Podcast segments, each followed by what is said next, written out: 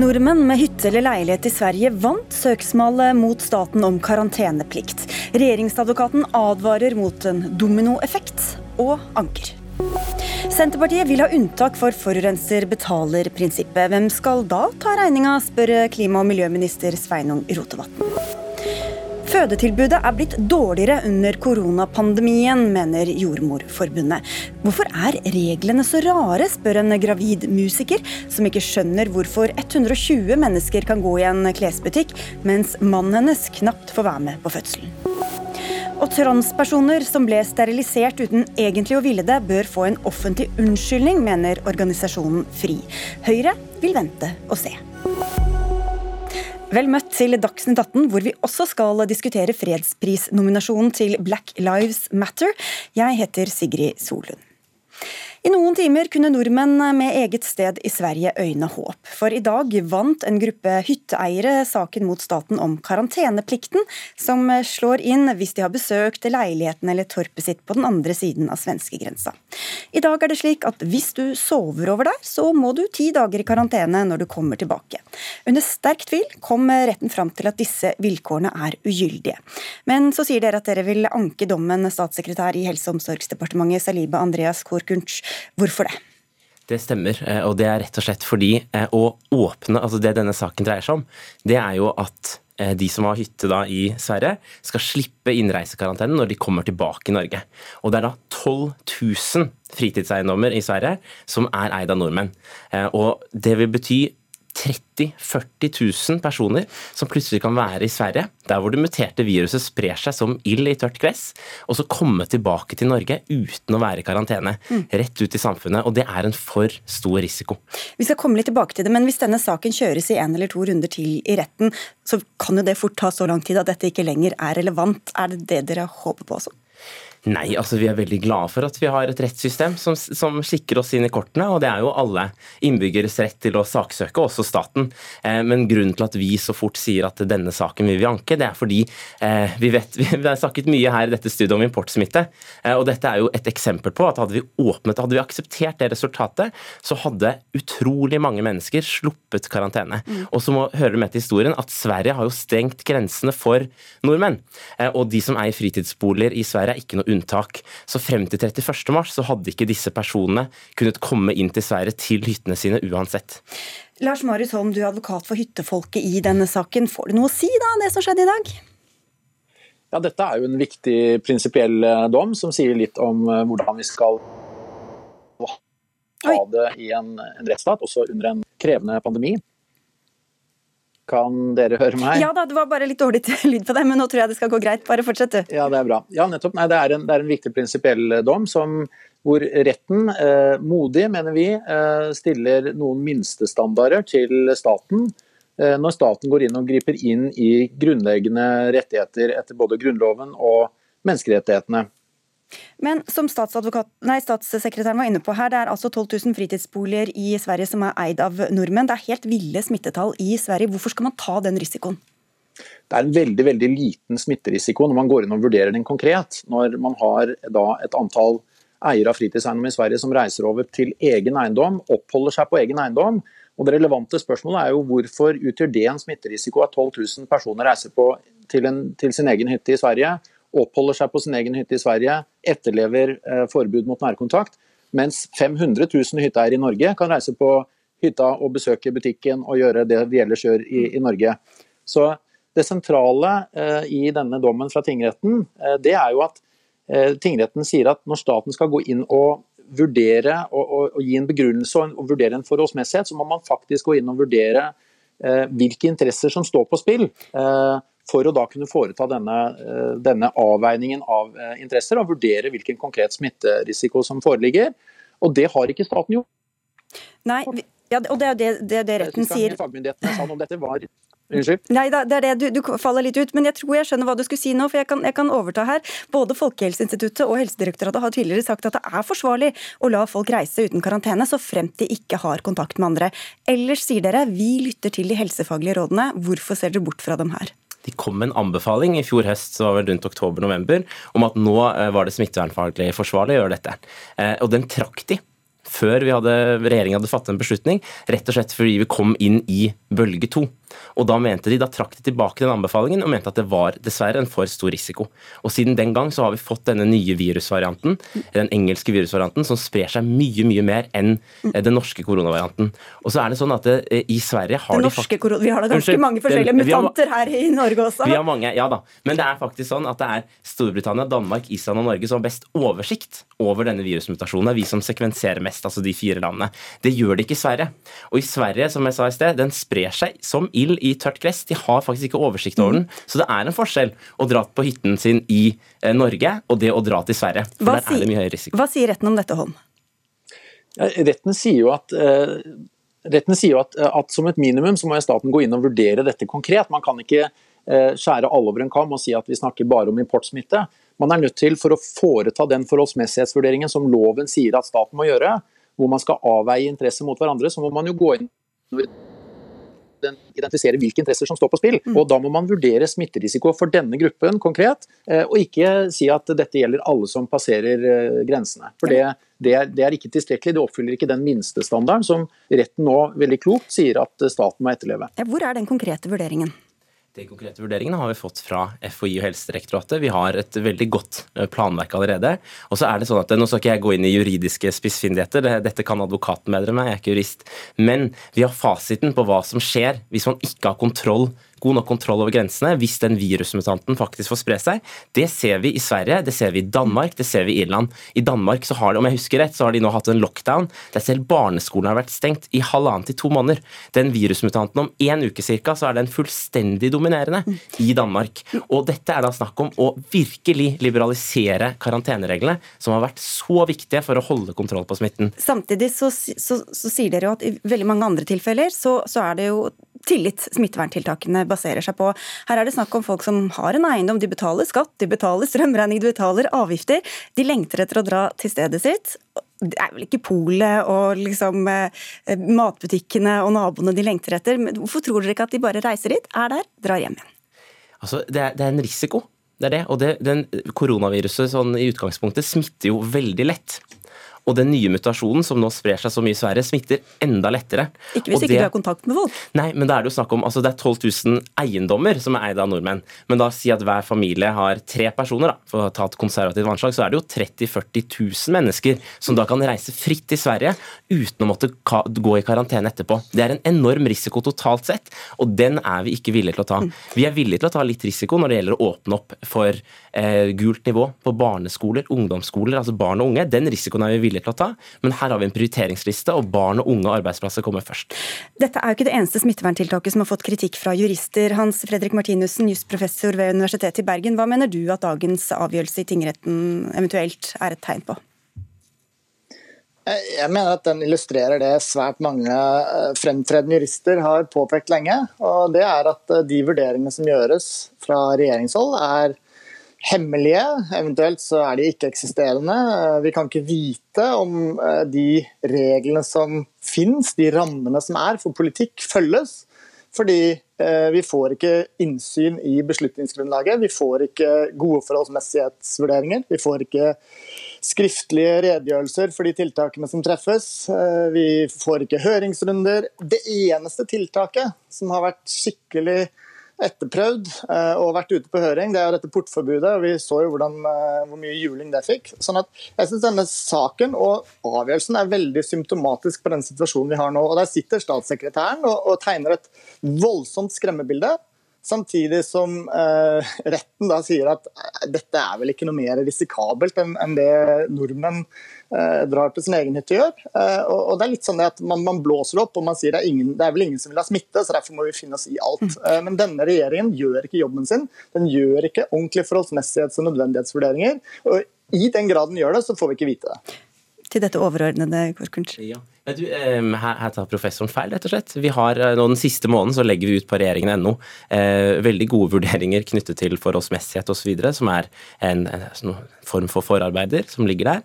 Eh, og så det jo, er det sånn at Helsedirektoratet FHI sine råd til regjeringen de ligger også ute, og de inneholder jo en rekke forholdsmessighetsvurderinger. De har mange dyktige jurister både i de to fagetatene og vi har det i departementet som gjør dette hele veien. Så, men så skal det sies at nå skal vi gå nøye gjennom den dommen, som riktignok ble avsagt under sterk tvil, og se, og hvis det er noe vi ser der som gjør at vi kan forbedre vår måte å gjøre ting på, så kommer ikke vi til å avvente hele rettsprosessen på det. Da kommer vi selvfølgelig til å se på det. Og vi lytter jo til de gode innspillene vi får, eh, fra, også fra professorhold, eh, om hvordan vi kan gjøre ting bedre. Vi er ikke perfekte, og vi kan absolutt gjøre ting bedre. Martinussen, vi står midt i en eh, pandemi her. Så, det har jo tatt ganske mye tid også med denne utredningen av portforbudet. Hvis alt skal få like grundig behandling, hvordan skal man klare å fatte kjappe og effektive tiltak? Jeg tenker at det handler om å være godt forberedt. Altså, denne regjeringen virker jo totalt overrasket over alt som skjer. og virker som om de bare eh, har litt sånn se hva som skjer-holdning. Fordi Det juridiske grunnlaget er ikke på plass. Altså, dette portforbudet har man jo brukt tid på å, å, utrede. og Det samme burde man gjort med andre tiltak lang tid i forveien. Denne regjeringen har hatt rikelig med tid til å, å utrede mulige utviklinger, men man sitter altså og venter til, til det skjer noe. og så handler man litt overilt. og Det virker av og til som man nærmest trekker litt sånn lapper opp av en hatt for å se hvilke tiltak man skal innføre. ikke sant? Stenger Vinmonopolet en dag og åpner det to dager etterpå. Det, det, det, gir ikke trygghet. og Jeg tror at man må være mye åpnere i vurderingene man gjør. Ha grundigere eh, høringer. Uh, mer, flere skriftlige begrunnelser, sånn at innbyggerne ikke mister tilliten til at uh, myndighetene kan håndtere dette på en god måte. Regjeringen la frem en beredskapsplan med en hel rekke tiltak. Fem ulike nivåer med tiltak som vi stadig vekk bruker. Eh, så det er ikke, Tiltakene blir ikke plukket opp av hatten, men nettopp fordi vi må ta forholdsmessighetsvurderinger, fordi vi må gå grundig gjennom smittesituasjonen i hver enkelt, om det er kommune, region eller nasjonalt, før vi fatter vedtak, fordi vi gjør en så grundig jobb som professoren her hevder vi ikke gjør, så kan det kanskje virke som om ting skjer litt fort, men de ligger faktisk da på regjeringen.no. Bare å gå, gå og kose deg der. Ja, det var den reklamen. Dere, Vi skal si takk til dere. Vi kommer tilbake til eh, smitteverntiltak da for gravide og deres partnere litt seinere i sendinga. Takk skal dere ha alle tre. Eh, statssekretær Saliba Korkunc, eh, Lars Marius Holm, som også var advokat for hytteeierne i Sverige, og Hans Fredrik Martinussen, jusprofessor ved Universitetet i Bergen.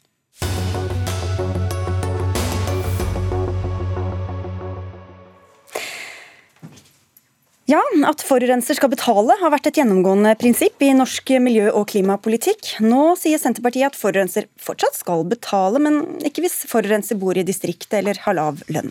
Parlamentarisk leder i Senterpartiet, Marit Arnstad, du er leder av programkomiteen som foreslår denne endringen. Hvorfor vil dere eventuelt da uthule dette overordnede prinsippet?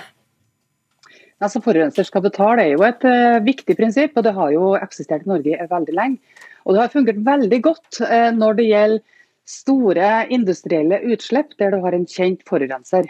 Da har det vært veldig viktig, eh, et veldig viktig tiltak. Når du skal prøve å adoptere det prinsippet på en flat klimaavgift, så får du noen nye problemstillinger. Eh, da får du problemstillinga at det rammer sosialt skjevt og geografisk skjevt. Det er klart at en, en flat klimaavgift rammer mye tøffere på en som tjener 300 000 enn en som tjener 1 million. Eh, og det, og det samme gjelder egentlig også CO2-avgifta fordi at du ikke klarer å differensiere mellom ulike bransjer. Noen bransjer vil jo ha store muligheter til å omstille seg, jeg tror oljebransjen er en av dem. Eh, men andre bransjer så vil jo dette bare være en ren kostnad og kan føre til uheldige strukturendringer. Hvor... Der har du f.eks. fiskerinæringa i dag. Hvorfor kan du ikke ha avgifter som får fart på omstillingen, og så eventuelt ha andre tiltak som kompenserer for de mulige skjevhetene miljøavgiftene kan føre med seg? Ja, men Hvorfor kan du ikke tenke mer differensiert, enn å på en måte legge et sånt flatt avgiftsperspektiv til grunn. Hvorfor kan du ikke tenke da spesifikt at du skal omstille de næringene som har størst mulighet til omstilling, men hindre at f.eks. små kystfartøy bare får en kostnadsøkning som gjør at de kanskje ikke klarer å drive lenger, eller at du får en strukturendring i næringa som var lite tiltenkt. Hvorfor kan du ikke tenke mer differensiert omkring det spørsmålet? Og Det er det vi har spurt om. fordi det regjeringa gjør i klimameldinga, det er jo ikke bare å øke CO2-avgifta litt, men de tredobler jo den CO2-avgifta. Og det er et veldig, veldig stort hopp. Klima- og miljøminister Sveinung Rotevatn, det er du som er en av hjernene bak denne klimameldingen. Eh, du skal få lov å diskutere da, her med en faktisk senterpartist og ikke en melkekartong, som du gjorde på Facebook i går. Hvor rettferdig er egentlig, og hvor nyttig er dette prinsippet? Det er et veldig rettferdig og veldig nyttig prinsipp, av den enkle grunn at klimaet på jorda bryr seg ikke om hvem som slipper ut et tonn CO2. Et tonn CO2 er det uansett, og det er et problem uansett. Og Da er det mest rettferdige at vi jobber for at alle reduserer sine klimagassutslipp. Når en begynner å eh, gå vekk ifra forurenser betaler-prinsippet, slik nå Marit Arnstad og flertallet i Senterpartiet sin programkomité foreslår, så vil vi veldig fort få store problemer. For da er det mange det ikke vil lønne seg for å omstille. Da vil det lønne seg å fortsette med fossile løsninger, og det blir veldig dyrt for den enkelte å investere i grønn ny teknologi, fornybar energi med mer. Så jeg håper jo virkelig at Marit Arnstad taper den kampen her, og at mindretallet i Senterpartiet vil stå fast på forurenser betaler-prinsippet, slik vi har lagt til grunn i norsk politikk siden 1981. Du snakket om næringer, Marit Arnstad, men det er vel også snakk om privatpersoner her. Hva slags utslag er du redd for at det kan få? Ja, Det er snakk om litt ulike grupper, altså avhengig av hvilke avgifter du snakker om. Eh, men, men, jeg er jo redd for dem som har eh, lav inntekt, f.eks. Eh, som jo vil rammes hardere av den type avgifter enn dem som har høye inntekter. Og jeg tror den type sosiale skjevheter på sikt vil tro legitimiteten til klimapolitikken. Og jeg tror Det er en risiko for oppslutninga rundt en klimapolitikk som må lykkes, og som må ha hele befolkninga bak seg. Men Det vil jo gjelde alle avgifter. Er det grunn til å tro at en som har dårlig råd, nødvendigvis ja. forurenser mer enn en som har god råd? Ja, men, det, men altså Senterpartiet har jo hatt en systemkritikk knytta til avgifter generelt. fordi Vi ser jo nå en regjering som senker skattene for dem som har mest fra før av.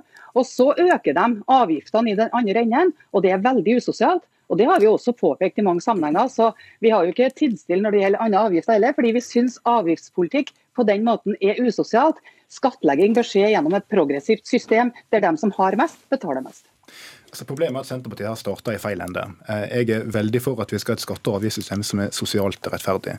Og Det er derfor vi i klimameldinga til, til regjeringa sier at når vi nå skal øke klimaavgiftene ganske mye fram mot 2030 og gi forutsigbarhet på det, så skal ikke vi sitte og hove de pengene inn til statskassa. Da skal vi gi dem tilbake igjen til folk, til næringsliv, gjennom andre målretta skatte- og avgiftslettelser, gjennom støtte til klimateknologi, slik denne regjeringa jobber i flere år. Men det å begynne i den andre enden, slik Senterpartiet nå gjør, og snakke om alle de som de mener ikke skal betale for å slippe ut CO2, da kommer vi ikke til å nå klimamålene våre, som det for så vidt er en betydelig tvil eh, om Senterpartiet egentlig er for. Men hvis de er for å nå noen klimamål, så må de være for noen virkemiddel, og det er det dessverre fint lite av i det som Senterpartiet framfører i norsk debatt. Men hvor fast er dette prinsippet i dag, egentlig, at forurenser betaler? Det er jo mange ting vi gjør som altså, enten det er å kaste mat eller det er å kjøpe enorme mengder klær som ikke det er noe klima- eller miljøavgift på.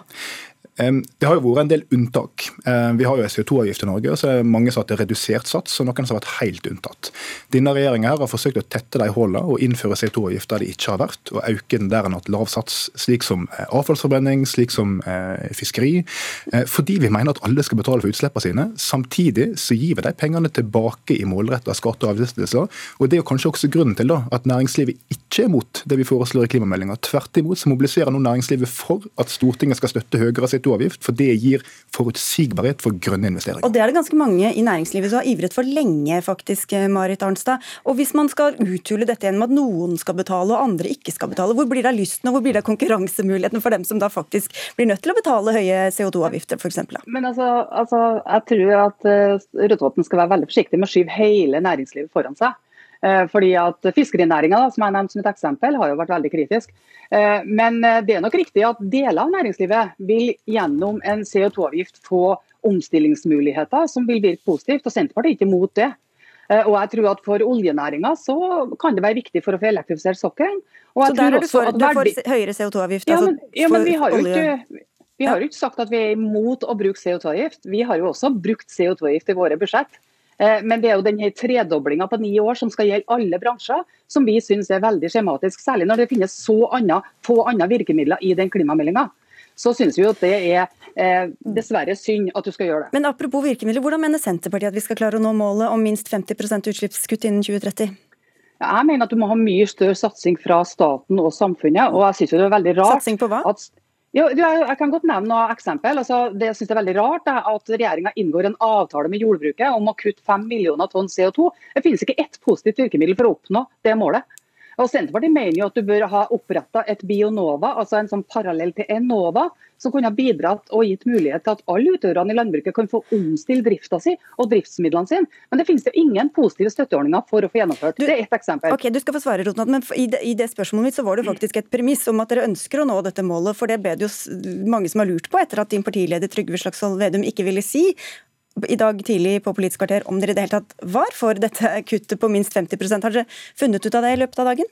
Nei, altså, altså, vi, vi, har jo, vi har jo ikke ferdigbehandla klimameldinga i vår partigruppe. og Derfor svarte jo Men, men gjorde. målet ble men, satt lenge før den klimameldingen ja, kom?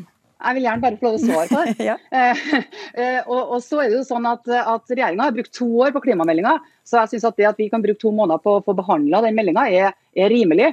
Eh, jeg tror nok at vi kommer til å gå for omtrent det som regjeringa legger på klimamål. Men jeg har lyst til å påpeke at den økninga fra 50 til 55% kutt som regjeringa også legger opp til, den er ikke konsekvensutreda. Eh, Miljødirektoratet har ikke i Klimakur gått igjennom hva det vil bety for det norske samfunnet hvis du skal øke utslippskuttene fra 50 til 55. Så den biten av det må vi diskutere nærmere. Regjeringa forsterka det norske klimamålet for ett år siden, så Senterpartiet har hatt ganske god tenketid.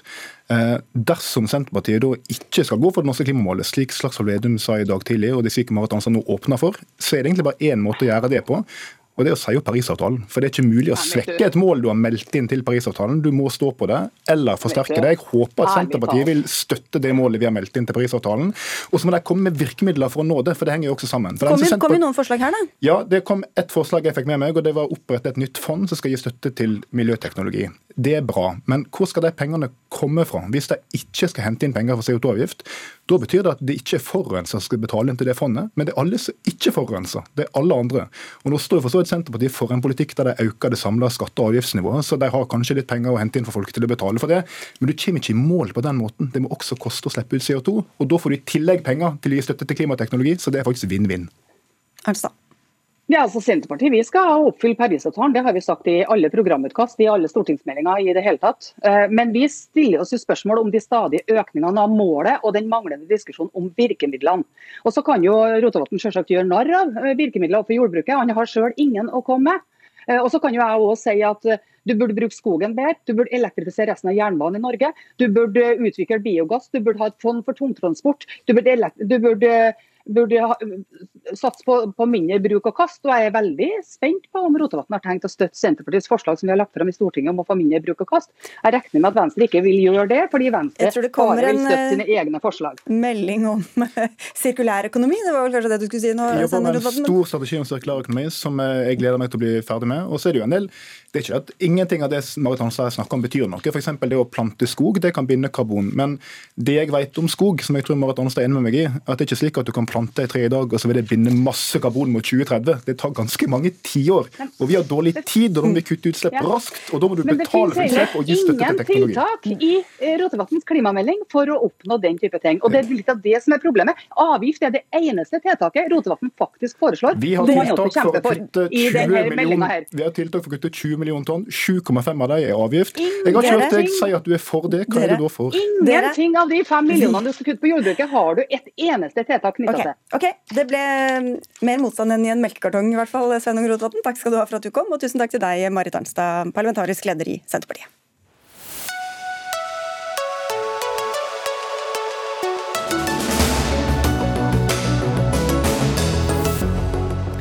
For en time siden holdt hun pressekonferanse, den eh, republikanske amerikanske kongressrepresentanten Marjorie Taylor Green. Hun har fått mye oppmerksomhet fordi hun bl.a. har støttet opp om konspirasjonsteorier, hvilket har ført til at Green fjernes fra komitéarbeid i Kongressen, noe 230 representanter eh, deriblant elleve republikanere stemte for. Veronica Westrin, korrespondent i Washington DC, var det noen anger eller selvkritikk å spore da hun talte til folk nå nettopp? Altså, Hun sa jo at uh, hun tar avstand fra det hun har sagt tidligere som er feilaktig. Altså, dette er en representant som har støtta konspirasjonsteorier. Hun har sagt at uh, det var uh, jøder som ved hjelp av laser starta skogbranner, og hun har sagt at skoleskytinger var iscenesatt, eller gitt sin støtte til disse konspirasjonsteoriene. Så, så, det tok hun avstand fra, men hun fortsatte jo å, å mm, forfekte sin ytre høyre-retorikk. Eh, vi hørte hun eh, snakke om eh, hvordan hun ser på abort som mord. Hun snakka om hvordan hun ønsker å utstyre good guys ved skolene med våpen. Og, og, kanskje mest interessant, syns jeg, var jo da hun snakka om det republikanske partiet, og hvordan hun ønsker å trekke det eh, ytterligere til høyre. Hun sa jo at dette fortsatt er Donald Trumps eh, parti. Ja, For å følge opp det litt. Mitch McConnell, republikanernes eh, fremste mann i Kongressen, uttalte denne uka utsagene, eller omtalte utsagnet hennes som en kreft for både partiet og nasjonen. Republikanerne som parti er jo nå litt i villrede og ganske splittet i synet på, på hvilken vei de skal gå framover. Hvordan har denne saken også et tegn på det, tror du? Ja, Denne enkeltsaken viser jo hele den problematikken som det republikanske partiet nå står overfor. Eh, Donald Trump har mye makt i sitt eget parti fortsatt. Vi har sett disse tradisjonelle arbeiderklassevelgerne som virkelig har støtta opp om han. Og Green fortsetter jo å forfekte denne politikken. Hun sa jo det også at hun kommer jo fra et distrikt eh, nordvest i Georgia, og hvordan hun der har mye støtte. De valgte henne inn vel vitende om hva slags politikk eh, hun står for og hvilke uttalelser hun tidligere har gjort. Så, så det, dette er et dilemma for republikanerne nå fremover. Hvordan skal de klare å holde på alle disse velgerne? Det er mange som støtter opp om konspirasjonsteorier, og som gir sin støtte til denne ytre høyrefløyen i partiet. Hvordan skal de klare å holde på de velgerne, samtidig som de skal ta og føre det republikanske, gamle republikanske partiet videre? Dette kommer til å være en debatt som kommer til å pågå lenge utover denne saken her. Du, da snakkes vi nærmere veldig snart om det, Veronica. Takk skal du ha for at du var med hos oss.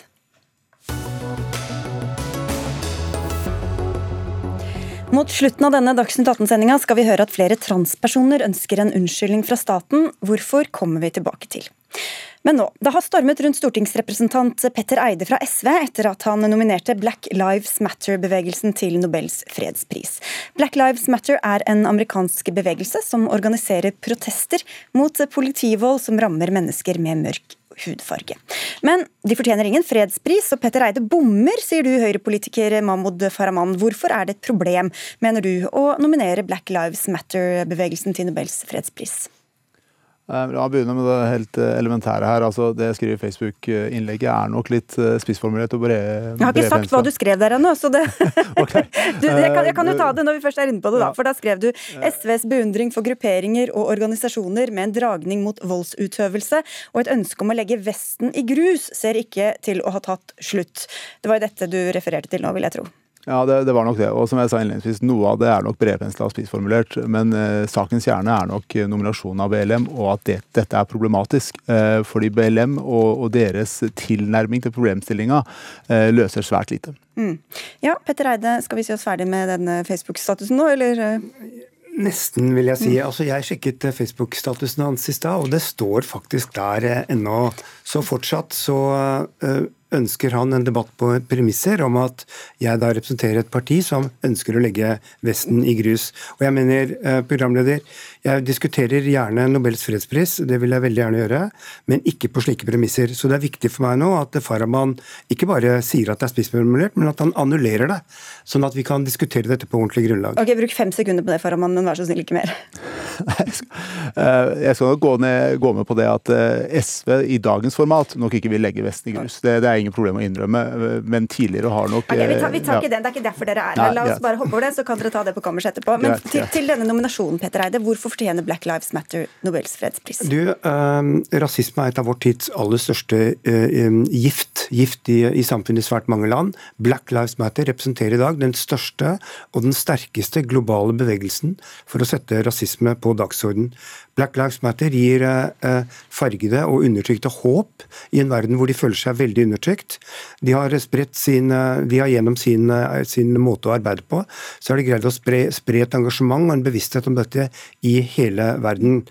Og um, det er viktig å få med seg at, um, at, hele tre ganger før så har Nobelkomiteen faktisk anerkjent viktigheten av å jobbe globalt mot antirasisme. Det skjedde to ganger i Sør-Afrika. Og også Martin Luther King, som uh, mange vet hvem er, fikk jo da prisen for å, for å jobbe mot rasisme. Så dette er helt relevant og veldig viktig. Farahman, hvorfor fortjener de ikke prisen, da?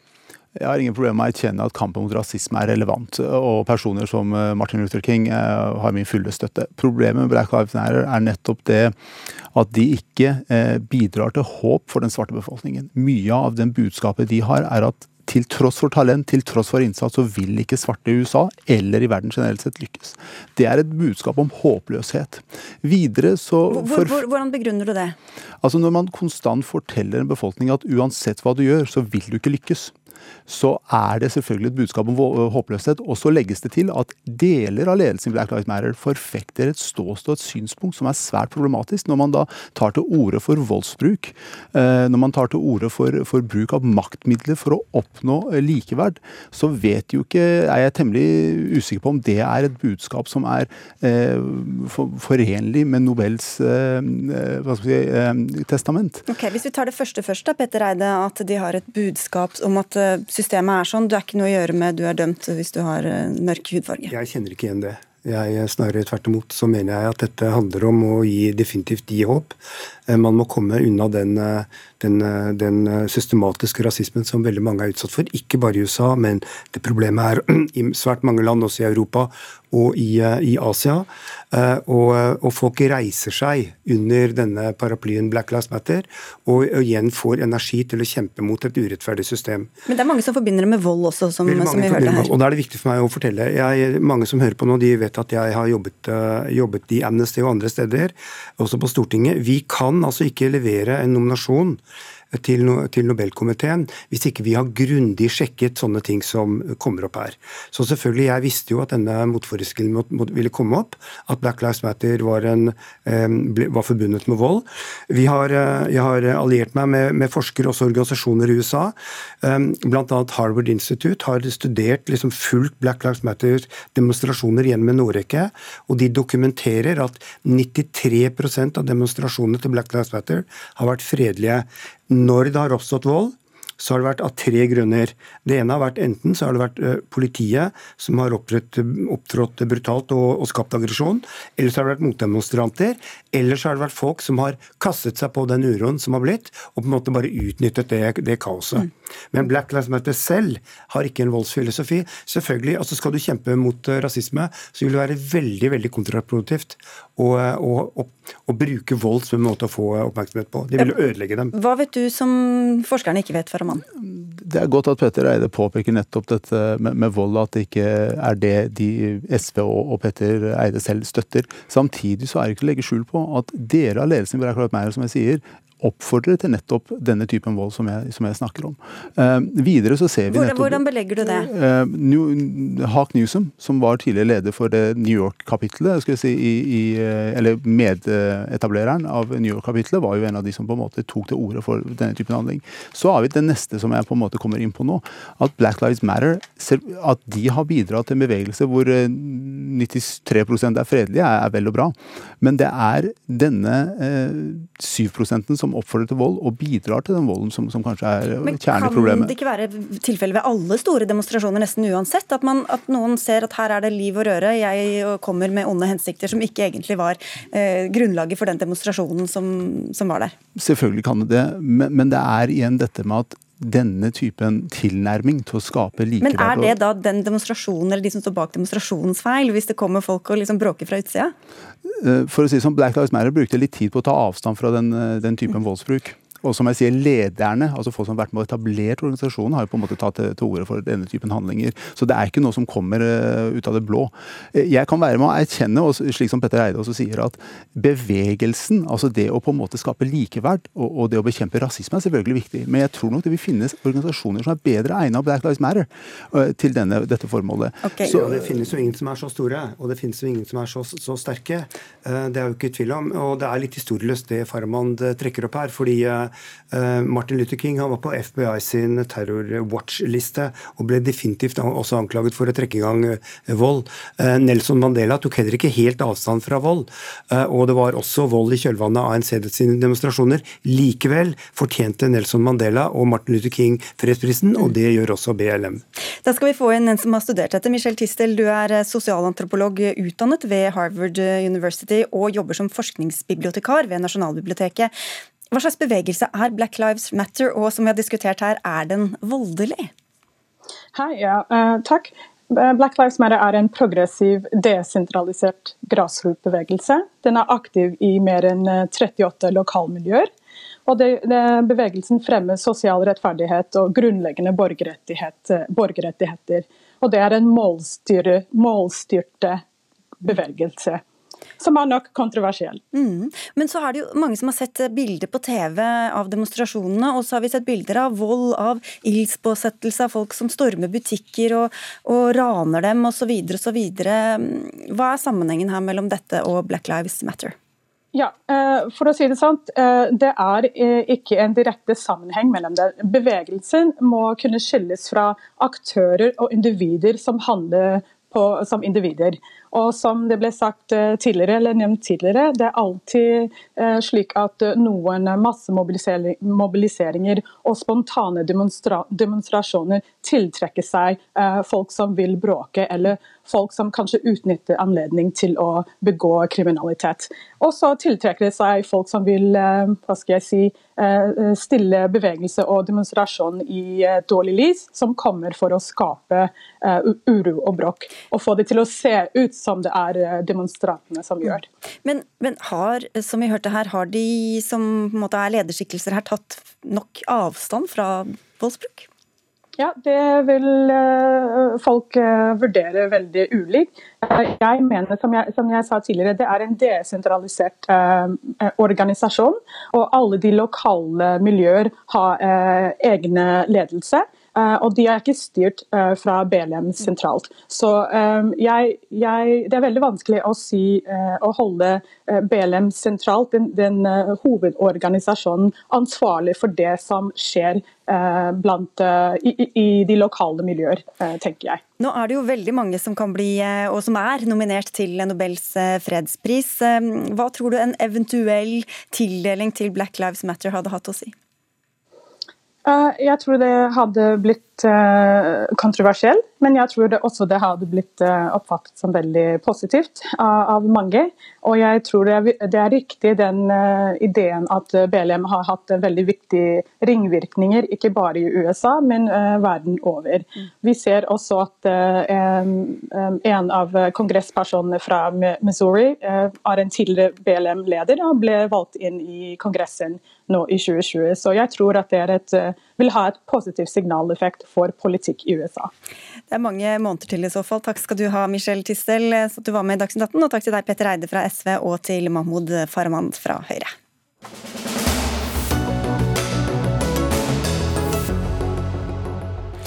Mange som har fått barn under koronapandemien har fortvilt over forholdene under fødsel og barseltid. Noen mødre har måttet være alene med nyfødt barn. Enkelte fedre eller medmødre har bare fått se mor og barn gjennom vinduet, og det er store forskjeller mellom sykehusene om hva som er tillatt under fødsel og etterpå. Bingo kaller du det, Hanne Charlotte Schjelderup, leder i Jordmorforbundet. Hvor store forskjeller har det vært, og er det for så vidt fortsatt?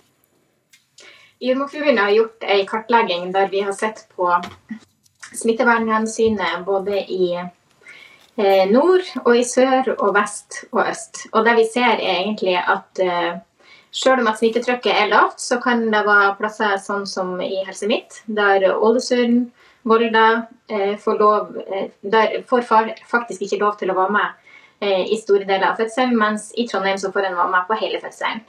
Og Det syns vi ikke henger sammen med smittetrykket lokalt, og det her mener vi det må bli en endring på. Hvordan blir de fødende og partneren deres eh, påvirket av dette?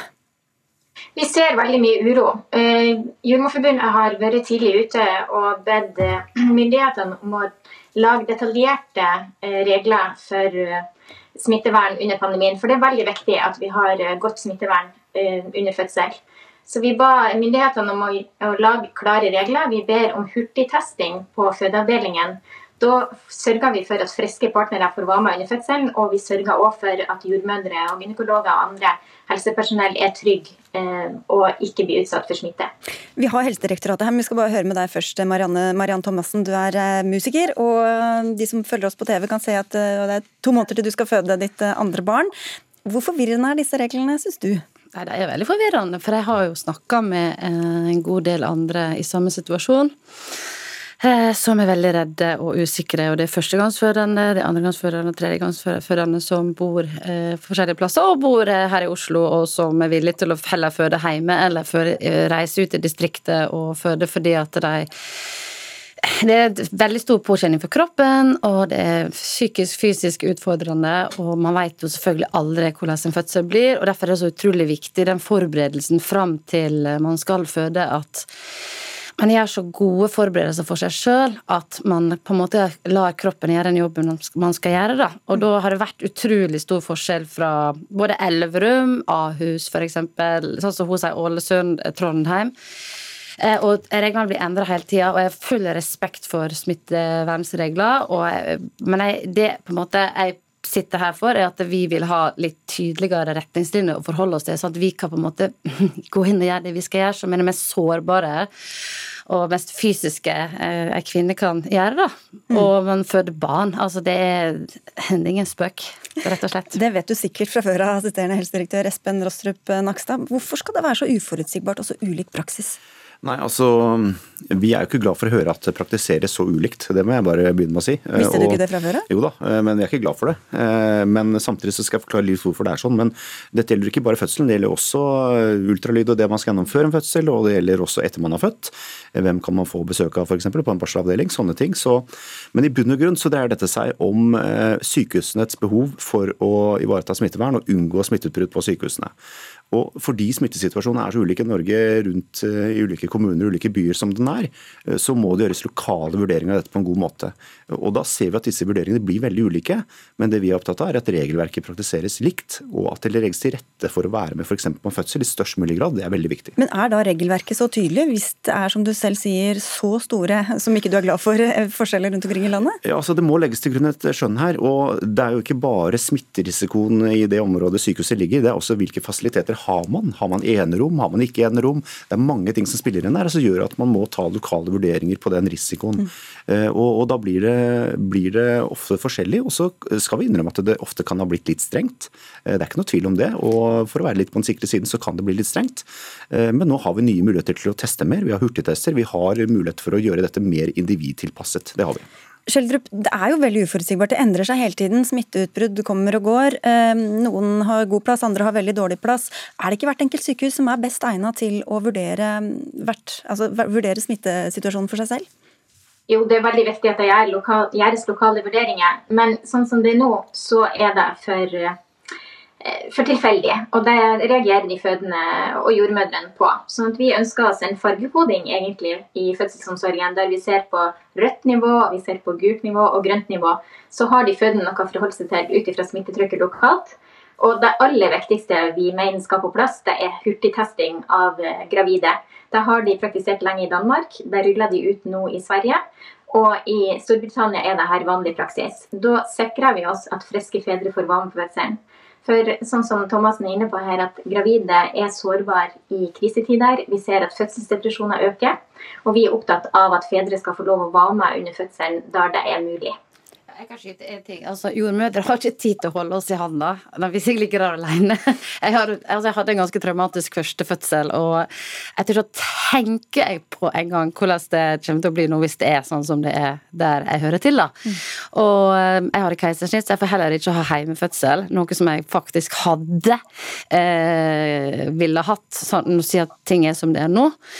Uh, og fordi at jeg er veldig redd for en fødselsdepresjon. Nå har jo Helsedirektoratet gått ut med tall at 75 eh, økning i fødselsdepresjon uh, under pandemien. Uh, fordi at man blir så ensom og isolert. og Flere vil hjem igjen når de ikke klarer for det, rett og slett det, er liksom det, det, som har blitt kjørt over en lastebil, altså. Det, jeg kan ikke forklare det. det. Du er mann, så dessverre så kan ikke du setter det helt inn i hva jeg snakker om. Men, nei, nei, men du er en god jobb. Jeg kan ikke, ikke få sette meg helt inn i det, men jeg, jeg forstår godt problemstillingen. Og, det er ganske fortvilende for mange fedre også, å ikke få se babyen og ikke støtte, støtte, mammaen. Det er det, og det er, det er problematisk også etter fødselen, og det er på alle måter ikke noe man ønsker seg. Eh, samtidig så, så må vi ikke glemme at uh, disse vurderingene gjøres lokalt av en grunn, og det er at man er redd for utbrudd av smitte. Nå har vi f.eks. et sykehus i Østfold som har et stort smitteutbrudd. og Det kan i verste fall lamme hele fødeavdelinger uh, over lang tid. sånn at Det er på en måte dilemmaet her. Men samtidig så må man gjøre så god jobb som man kan, individtilpasset ut fra hva, hvilke risiko som faktisk foreligger. Men Det kom det to, to forslag fra Jordmorforeningen her. Det ene var hurtigtesting av fødende. altså du, du liksom får vite her er du frisk, tester mammaen, pappaen, og så kan man selv bli behandlet som altså dette trekløveret blir behandlet som en slags enhet etterpå. Hurtigtester er tilgjengelig og kan brukes av sykehusene. Gjør de det, da? Eh, ja, Noen gjør det, ikke alle. Men eh, man har hatt litt ulike regimer. Dette er jo ikke bare snakk om fødende, men også veldig mange andre pasienter og besøkende. Det er jo akkurat samme problemstilling for eh, personer som ligger for døden f.eks. på sykehus. At det har vært vanskelig med besøk. sånn at dette med individuell risikovurdering, smittevern og hurtigtester er jo ting som sykehusene benytter. Og så et, et, slags trafikklyssystem som man har på skolene. Det er jo nasjonale retningslinjer på alle andre områder. Hvorfor ikke ha det tydeligere også på, på fødsler? Nei, altså, ehm, Det er fordi det kan også fort bli litt for strengt, eh, har vi erfart. Og det er fordi at den lokale tilpassingen, altså om du har et moderne sykehus med enerom, god ventilasjon, eh, lite smitterisiko, så er det noe helt annet enn kanskje nabosykehuset har av fasiliteter.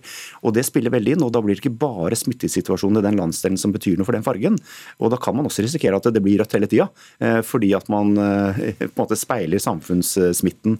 Så Det er heller ikke så enkelt som det høres ut som, men det viktige her er at man ikke setter seg fast i gamle rutiner på sykehusene, men hele tiden vurderer dette uke for uke. Er vi for strenge nå? Kan vi tilpasse dette bedre nå? Det må man gjøre. Skjeldrup. Nakstad er inne på noe veldig viktig, fordi at vi ser at uh, de her tidlige bestemmelsene henger litt igjen i områder der vi ikke har smitte. Og vi har fasilitetene på plass.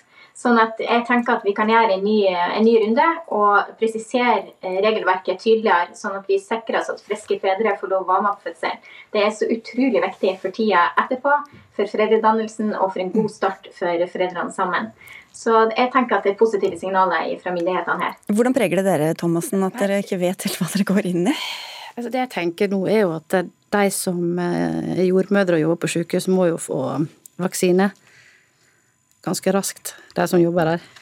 Uh, faktisk. Jeg bare ser for meg at jeg får en sånn jordmor som er så stressa og sliten at hun bare ser på meg og bare Å, herregud, skal hun også inn og føde her? Altså, Vi får ikke håpe det er sånn nei, blir det, nei, men altså, folk er slitne når det er pandemi. Altså, alle sliter på hver sine måter. Alle driver dugnad, og det er sånn det skjer ting, det blir strengt, det åpner litt opp igjen. Altså, det er veldig uforutsigbart på alle områder, ikke sant. Og da er selvfølgelig det kjempesårbart og vanskelig vanskelig å det er det vanskelig å gå gravid i disse tider. Det er det. Det høres ut som dere kanskje trenger å sende et lite memo rundt til helseforetakene om at husk å ikke være så strenge dere bare kan? Jo da, vi, vi, snakker med helseforetakene nesten hver dag, så dette skal vi absolutt gå gjennom eh, en gang til. Det kan jeg love. Men samtidig så er det også en trøst i at det kommer flere vaksiner til helsepersonell.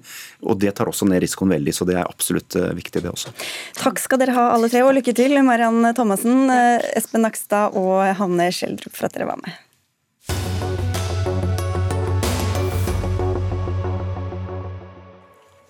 I mange år måtte mennesker som ville skifte juridisk kjønn, steriliseres først gjennom enten å fjerne eggstokker eller testikler.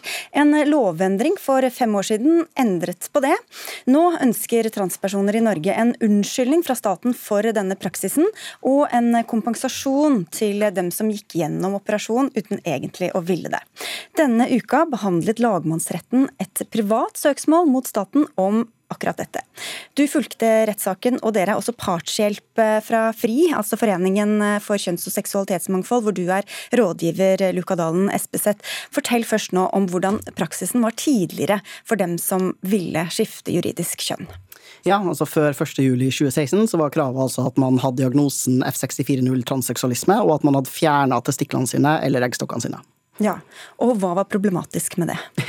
Nei, det problematiske med det er at man fratar mennesker råderetten over egen kropp eh, og eh, tvinger oss til å gjennomgå et inngrep som gjør at vi blir eh, infertile for resten av livet. Og alt det bare for å kunne få et nytt juridisk skjønn, som jo enkelt lar seg fikse gjennom byråkratiske prosesser, som vi ser nå etter at loven tredde i kraft, at det er ikke noe vanskelig å få til. Men da kunne man ha Altså, hva, hva, var problematisk med å ha et annet juridisk kjønn enn det kjønnet man ser ut som og er og føler seg som? Nei, altså Det byr jo på veldig mange problemer. Identifikasjonspapirene dine blir jo eh, helt ubrukelige. Hvis jeg må reise rundt i verden med et pass som det står kvinne i, så blir jeg stoppa i alle passkontroller. Jeg kan ikke bruke mine egne identifikasjonspapirer. I tillegg så gjør det jo at alle får informasjon om at du er trans, som er ganske sånn intim og privat informasjon, som blir utlevert hver eneste gang du bruker personnummeret ditt. Og det fører jo til et ekstremt press på oss som enkeltmennesker, eh, som gjør at mange har rett og slett da i hermetegn valgt å gjennomgå det her inngrepet for å få riktig juridisk skjønn. Ja, Men hvorfor skulle man ikke velge det, hvis man ønsket å, å få det kjønnet man da opplever seg som? Ja, altså Kjønnet ditt henger ikke fast i testiklene eller eggstokkene dine. I tillegg så er det jo sånn at staten burde heller argumentere for hvorfor vi skal kastreres, istedenfor at vi skal argumentere for hvorfor vi ikke skal det, hvis vi ikke ønsker det. Og så er det jo mange som har vært opptatt av det, i dette eh, sakskomplekset, muligheten for at da en mann eh, kunne bli gravid, eh, som sikkert en del tenker på som rart, unaturlig, Hvorfor eh, er ikke det et problem? jeg tenker at Folk skal få lov, altså folk sine reproduktive rettigheter tenker jeg er ganske grunnleggende og viktig. Eh, og jeg skal ikke måtte oppgi min reproduktive kapasitet fordi noen andre syns det ville vært litt rart hvis jeg ble gravid. Det er på en måte, Hvis vi veier de ty hensynene opp mot hverandre, så tenker jeg at min råderett over egen kropp skal veie tyngst. da. Og Nå er jo denne praksisen endret. Nå er det blitt veldig enkelt. Noen mener det er for enkelt å skifte kjønn. Vi skal ikke ta den debatten her. Helseminister Bent Høie har sagt at han avventer rettssaken. for som jeg var inne på, dere ønsker jo da en, en, unnskyldning. Han var invitert for å snakke om denne saken. Det er du som tar den, Sveinung Stensland. Du er helsepolitisk talsperson og stortingsrepresentant for Høyre. Høie har jo vært engasjert i denne saken, som også førte til denne lovendringen eller presiseringen. Hvorfor var det riktig å gjøre om på denne praksisen etter deres syn? Det, det, må kanskje kalles annet enn et overgrep, sånn som dette ble håndtert uh, tidligere, som blir beskrevet her. En, en tvang personer til, til, å bli sterilisert for å få lov å skifte kjønn. Det var eh, en urimelighet som pågikk over noe tid. Det var vel ca. 500 personer som gjennomgikk sånne inngrep for å få oppfylle det de mente var rett for dem selv. I løpet av mange år, bare for å ha sagt det. Ja, ja, i løpet av, ja. ja mange år. Men, men, mm. likevel så er det lovverket mente vi var feil. Eh, og dette var noe som helseministeren var engasjert i før han ble helseminister, og satte i gang når han ble det. Og, og, dette var en god prosess i flere partier, og loven ble så vidt jeg husker enstemmig vedtatt uh, på Stortinget. Og, og, og, nå har vi fått retta opp i de greiene her. Uh, og Så kommer spørsmålet om erstatning og alt det andre, som nå ligger til behandling i Stortinget. Ja, og Nå skal jo retten også ta stilling til denne ene saken spesifikt. Men hva mener du at norske politikere burde gjøre uavhengig av det? Nei, jeg tenker jo at Uavhengig av hva retten måtte finne på å komme frem til, da, så kan politikerne velge å si sånn som de jo faktisk gjør, da, anerkjenne at her har vi begått en grov urett mot en sårbar minoritetsgruppe. Det kan vi si unnskyld for, det syns jeg de skal. Og så syns jeg de som har gjennomgått det her inngrepet, skal få en oppreisning for det. For det, altså, Vi er veldig glad for den nye loven, men det hjelper jo ikke dem som allerede har blitt kastrert. Og sånn som jeg forstått det, så det, har de hatt en lignende ordning i Sverige.